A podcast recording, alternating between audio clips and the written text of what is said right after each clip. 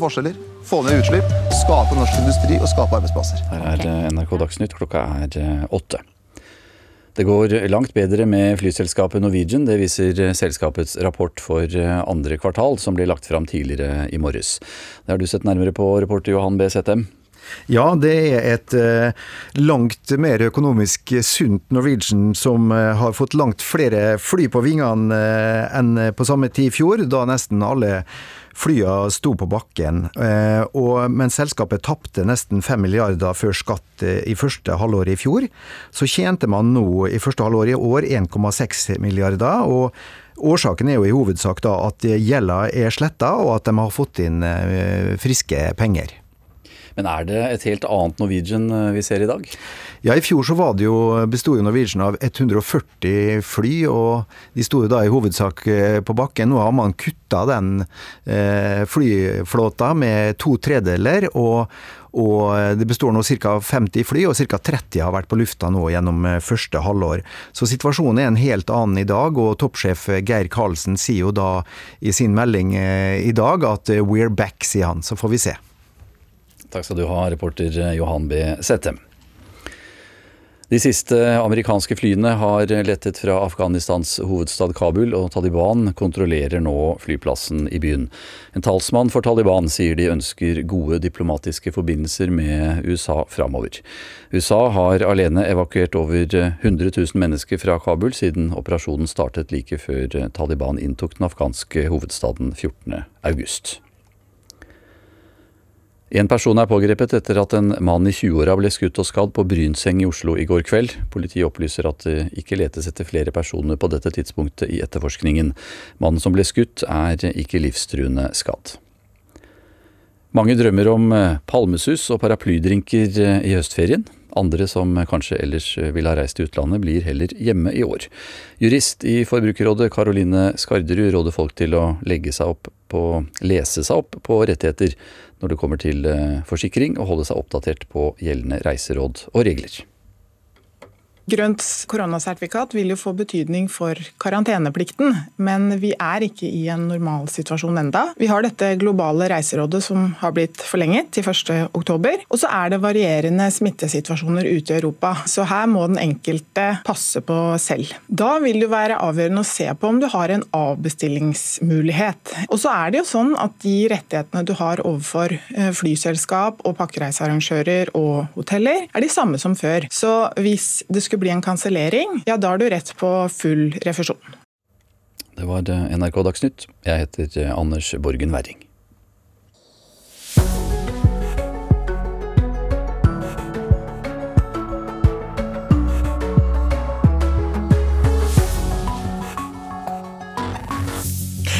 Velkommen til Nyhetsmorgen denne tirsdagen 31. august. Dette er noen av sakene vi har i dag.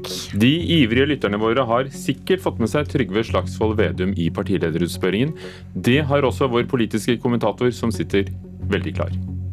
Justisministeren møter europeiske kolleger i Brussel i dag. Spørsmålet er hvordan påvirker Talibans grep om Afghanistan EUs grenser? Med andre ord, vil det komme flyktninger? Og det er ventet at det kanskje kommer noen ord og en resolusjon om hvem som vil ta imot hvor mange. For første gang i Norge står en folkevalgt tiltalt for grov korrupsjon. I dag begynner rettssaken mot den suspenderte ordføreren i Nittedal i Akershus. Gry Veiby og Ugo Fermariello frem til klokken ni i studio. Der vi starter med partilederutspørringa av Trygve Slagsvold Vedum. Og som du sikkert nettopp har fått med deg, og det har også du fått med deg, Lars Nehru Sand, politisk kommentator i, her i NRK. Du må hjelpe oss å sortere litt. Hva var det noe spesielt du bet deg merke i? Ja, Tre ting. Det ene er jo det som har vært et tema i hele valgkampen, nemlig at eh, Vedum snakker mye om at han ønsker en regjering uten SV, eh, men at han ikke vil utelukke det. Det ble jo eh, også slått fast i dag tidlig. Det andre handler om EØS-avtalen, e hvor han snakker om at den vil han på en måte få forbedret. Og så mener han det er hypotetisk at det ikke går an på noe som helst vis. Og han mener liksom at det at vi fortsetter med EØS-avtalen som den er i dag, eh, det vil han nærmest ikke høre snakk om, selv om han jo er veldig opptatt av å si at det skal ikke sies opp noen avtale med EU før det er en ny på plass. Og da er vi jo litt avhengig av hva EU og Brussel vil gjøre med avtaleverket med Norge. Det tredje syns jeg handler mer om en sånn overbygning om det Senterpartiet eh, går til valg på, nemlig å, å snakke om hele Norge osv. Eh, men vanskelig kan tallfeste hva det betyr i, i eh, flyttestrømmer, i eh, flere grendeskoler eller eh, flere ambulansestasjoner eller eh, flere sykehus.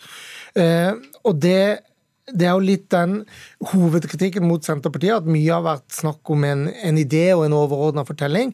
Men det er vanskelig å tallfeste, og jeg skjønner at ikke alt kan tallfestes helt konkret, men å ha noe å måle Senterpartiet på etter fire år, hva er det de har klart å forandre med utviklingen av Norge hvis de får makt, eh, det hadde vært fint når de har en så eh, ja, en, en sånn fortelling i bånn på hva de går til valg på. Mm. Tre ting nevnte du, men la oss begynne med det første du nevnte. Det var nemlig spørsmålet om Senterpartiet og et mulig samarbeid med SV. Og Det er jo ikke så lett å bli klok på hva partiet mener, og jeg er også usikker på om noen ble noe særlig klokere av å høre på Vedum nå nettopp. Men hvordan skal vi tolke det mange vil mene er et litt sprikende budskap? Men det er jo det at han eh, definitivt mener at det er best at SV ikke er med i den regjeringen, men han vil ikke låse seg til det. Eh, og dermed åpne for at, eh, det kan bli f.eks. en trepartiregjering, som jo er det alle andre ønsker. Det er jo bare Senterpartiet selv som peker på en, en topartiregjering med Ap og, Senterpartiet. Nå er det jo ja, nærmest uaktuelt at de to partiene får flertall sammen. Eh, så Derfor så, så må jo eh, alle Senterparti-velgerne være forberedt på at, eh, at, SV er med i en sånn regjering. Og nå det er jo til og med, kanskje fordi Vedum har vært så uklar, heller ikke sikkert at de tre partiene får flertall. Mm. Og så var det også snakk om meningsmålinger. for Det vi har lest om Senterpartiet det siste, er jo at de gjør det ganske dårlig på meningsmålingene. Hvordan forklarer du det? Det ene handler om at uh, miljøpolitikken er blitt viktig. Det har to effekter. Det ene er at Senterpartiet ikke kommer best ut i veldig mange velgergruppers uh, øyne i uh, spørsmålet om klimapolitikk. Det andre er at da snakker alle om klima, og færre snakker om distriktspolitikk, så det blir mindre plass til Senterpartiets paradegren, for å si det sånn. Så tror jeg nok at det grepet med å gjøre Vedum til statsminister ikke var så lurt sett i ettertid tid. Eh, selv om jeg kan forstå hvorfor det skjedde, så har det gitt eh, Senterpartiet en helt annen plass i denne valgkampen. Avkrevd de mye mer svar. Eh, ikke gjort det så lett å bare kritisere, de må også komme med sine løsninger. og da må de, ja, de må synge en litt annen sang enn det de ellers skulle gjort, og det har passa de litt, litt, dårlig. Og så tror jeg nok også at det er blitt litt tydelig for folk at Vedum nok ikke er den samme statsministerkandidaten som Støre, f.eks. Mm. Lars Nehru Sand, takk for at du var med i Nyhetsmorgen. Hvilke spørsmål ville du stilt Trygve Slagsvold Vedum? Ja, det har mange gjort av NRKs eh, lyttere og lesere og seere. Og NRK svarer, heter det, men det er jo Trygve Slagsvold Vedum selv som svarer eh, når vi stiller disse til ham om ti minutter her i Nyhetsmorgen. Hvem vil jobbe hjemmefra? Ja, flest folk i og rundt Oslo, og, og færre i eh, Nord-Norge. Det er det en undersøkelse som, eh, som, viser. Hjemmekontoret er minst aktuelt for de som bor i Troms og Finnmark. Det er NHO som har gjort denne undersøkelsen. Og nå skal vi høre hva Jens Harald Jensen, direktør i Serit LTL Eltele i Alta, eh, sier om det å ha folk på jobben, for det ønsker han. Vi liker å, å skape energi på jobb når folk møtes på kontoret. Så det, det er det som er det foretrukne budskapet fra oss. Interessen for bruk av hjemmekontor er tydelig større i Oslo, Viken og Rogaland enn det er i andre deler av landet. Mens 69% av bedriftene i Oslo-området sier at de har diskutert bruk av hjemmekontor, svarer bare 23% av bedriftene i Troms og Finnmark det samme. Det møtet mellom mennesker, den energien, den spøken eh, som vi kan slå av i kollegaer imellom, og det at vi sitter face to face og diskuterer eh, utfordringer. IT-bedriften Seritel Tele i Alta har også, som så mange andre, måttet benytte hjemmekontor under pandemien. Direktør Jens Harald Jensen er åpen for at ansatte også fremover skal kunne jobbe hjemmefra, men er ikke i tvil om at det er best å møtes. Jeg var i et møte i forrige uke der, der eh, den ene møtedeltakeren sier at så utrolig flott å, å snakke med folk som har føtter. Over hele landet har bedrifter gjennom pandemien holdt det gående uten at de ansatte har vært sammen. For mange har dette gått bedre enn ventet. Nå vurderer mange bedrifter hvordan de skal gjøre det fremover. Spørsmålet er hva som er best. Nina Melsom er direktør for arbeidsliv og forhandlinger i NHO. Det er viktig å følge med på utviklingen fortløpende, for frem til nå så har vi jo måttet sitte på hjemmekontor. Nå er bedriftene der at de skal finne løsninger eh, som eh, ikke er påtvunget holdt jeg på å si, grunnet smittevern, men mer for å fremme en hensiktsmessig arbeidsmåte. Eh, og her trenger vi mer kunnskap. De største bedriftene er mest positive til hjemmekontor. Nesten 70% av de større bedriftene har diskutert fremtidig bruk av hjemmekontor, mens bare 25% av de små bedriftene. Fordelene vi ser ved bruk av hjemmekontor, eh, handler jo bl.a. om eh, tidsbesparelse. Eh, ved at man slipper å ja, reise til og fra jobb og sitte i kø. Andreas Vabø er grunnlegger og partner i selskapet Agera som holder til i Oslo. Også før pandemien praktiserte de hjemmekontor, men nå har de fått mer erfaring. Man får ganske effektive arbeidsdager når man jobber hjemmefra. Det er lite forstyrrelser og, og, muligheten til å konsentrere seg om de oppgavene man holder på med, er kanskje for mange i hvert fall bedre. Rådgivningsselskapet har tolv ansatte og har flyttet inn i mindre lokaler. De ser nå at de ikke trenger plass til alle på jobb samtidig. Det tror jeg ikke gjelder bare oss, fordi bygningen her vi sitter i, i Parkveien, så er det veldig mange som har gått ned fra større lokaler til, til små lokaler. I Alta utelukker ikke Jens Harald Jensen at forskjellen på nord og sør kan ha noe med befolkningen å gjøre. Kanskje er vi litt mer sosiale. Eh, det er jo vanskelig å, å skryte av sånne ting, eller, men kanskje er vi litt mer sosiale nå. Jeg vet ikke. Ja, Det sa Jens Harald Jensen, direktør i Serit El Tele i Alta. Og reporter her var Marit Sirum Eikre. I dag er det ekstraordinært møte for EUs justisministre og innenriksministre, og vår justisminister Monica Mæland fra Norge får være med i Brussel. De siste flyene har lettet fra Afghanistan. USA trakk sin siste soldat ut i går. Og nå må Europa også ta stilling til hvordan landene skal forholde seg til dem som fortsatt forsøker å komme seg vekk fra Taliban. Europakorrespondent Simen Ekern, du er også i Brussel. Hva står øverst på dagsordenen for dette møtet i dag? Det som står øverst på dagsordenen er å sørge for at man ikke får en gjentagelse av flyktningkrisen i 2015. Det ser ut til å være topp prioritet eh, for politikerne eh, som møtes. Man skal for enhver pris nærmest unngå eh, en massiv og storstilt forflytning av mennesker fra Afghanistan til Europas grenser. Så det blir utfordringen, og hvordan man skal gjøre det på en forholdsvis human måte. Flere land driver og, og forsterker sine grenser, altså rent fysisk, med, med murer og gjerder. Tyrkia gjør det mot Iran f.eks. Eh, men hvilke alternativer er det som ligger på bordet når EU-ministrene møtes? Ja, murer har jo for alvor eh, kommet på plass som et alternativ, kanskje i enda større grad enn forrige gang, og for flere land. Hellas, Litauen, eh, Polen, eh, Tyrkia. Som du sier, det finnes alternativer. For EU-landene er det foretrukne alternativet å satse på avtaler med landene som ligger nærmere Afghanistan. Det var jo det man forsøkte eh, forrige gang, i 2015, særlig med Tyrkia. Men nå er situasjonen litt annerledes, og det gjør dette komplisert. For Erdogan i Tyrkia så er det ikke særlig eh, innenrikspolitisk populært å foreslå eh, noe eh, Foreslå flere flyktninger fra Afghanistan. Det er et annet politisk klima eh, for ham. Så, så, dette kan komme til å bli vanskelig, men det er det eh, man håper på. Eh, blant annet da. Men så har da FNs høykommissær for flyktninger bedt EU-landet om å finne plass til 36 000 afghanske flyktninger nå, altså innen 2022. Eh, er det noe de kan bli enige om i dag? De kommer til å snakke om det eh, også i dag. Og de kommer til å snakke om hvorvidt det er mulig, sånn som man har forsøkt tidligere, å lage en felles eh, fordelingsmekanisme f.eks., for eller en enhetlig politikk på dette. Eller om det blir sånn at det blir opp til hvert enkelt eh, EU-land som er villig til det, å ta imot flyktninger. Og det er kanskje det siste som er mer mest aktuelt når vi har sett signalene fra, ja, fra land som Østerrike f.eks., som har sagt at eh, det ikke er, kommer på tale å, å, å, ta imot flyktninger fra Afghanistan eh, i denne omgangen. Så det kommer til å bli en del diskusjoner eh, om det, men, men, kanskje først og fremst da eh, så ser vi eh, viljen til å beskytte grensene og til å inngå avtaler med tredjeland, som er der EU-landene kan komme til å, å, å være enige i dag. Og når Norges eh, justisminister Monica Mæland får sitte ved bordet i Brussel i. Hvilken rolle får hun? Vel, Dette angår jo Norge i like stor grad som eh, de andre EU-landene.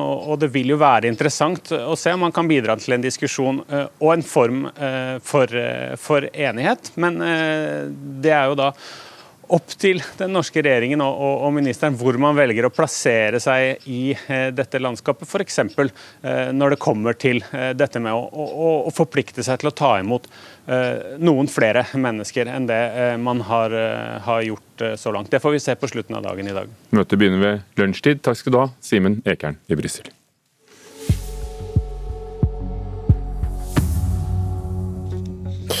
Klokka er 8.15, straks 8.16, og du hører på Nyhetsmorgen her i NRK. Det må du fortsette med hvis du skal få med deg de viktigste sakene i dag.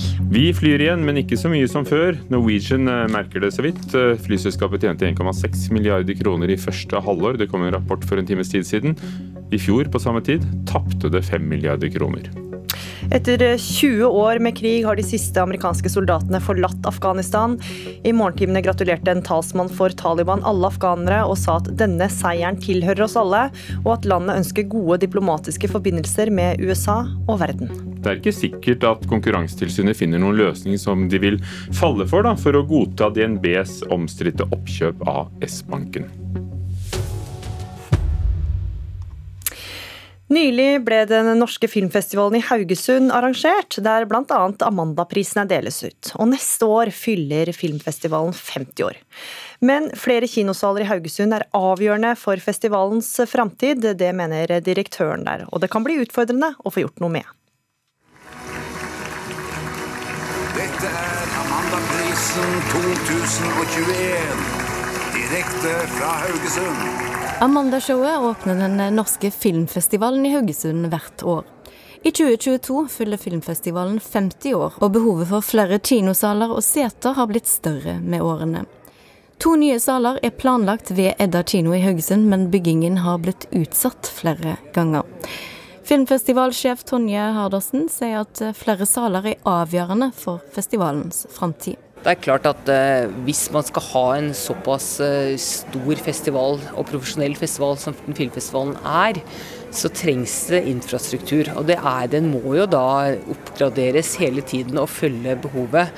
Så, så det er klart for festivalens framtid er det helt eh, nødvendig at man får, til, får disse salene på plass så raskt som mulig. For to år siden vedtok Haugesund bystyre å bygge to nye saler ved Edda. En storsatsing til mellom 43 og 44 millioner kroner. Men det har dukka opp flere skjær i sjøen etter dette. Et gammelt hus må først flyttes, og hele området må omreguleres. Svein Erik Innbjo sitter i bystyret for Fremskrittspartiet og er styremedlem i Haugesund kino og konserthus KF. Han skjønner at festivalsjefen er utålmodig, men sier òg at prosessen kan ta litt tid. I verste fall så kan det ta mer enn et halvt år. Eh, I beste fall så kan det ta fire måneder.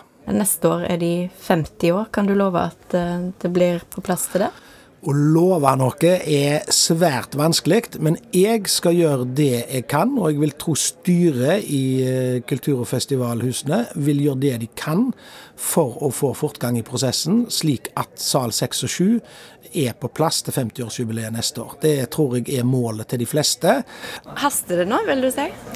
Ja, Vi er jo 50 år, har jo et storstilt 50-årsjubileum på gang neste år. Eh, jeg hadde jo håpet egentlig at disse salene skulle være ferdig i år, men i hvert fall neste år. og Nå virker det som det er litt usikkert også, så det hadde jo vært leit om vi, eh, om vi ikke rakk det. Men eh, man krysser jo fingrene og håper det beste. Vi er jo flinke til å snu oss raskt rundt i kulturbransjen, så hvis nå bare byggebransjen er like kjapp, så kan det gå bra. Så får vi se da om det kommer flere kinosaler i nærmeste framtid. Reporter her var Rosa Irén Villalabos.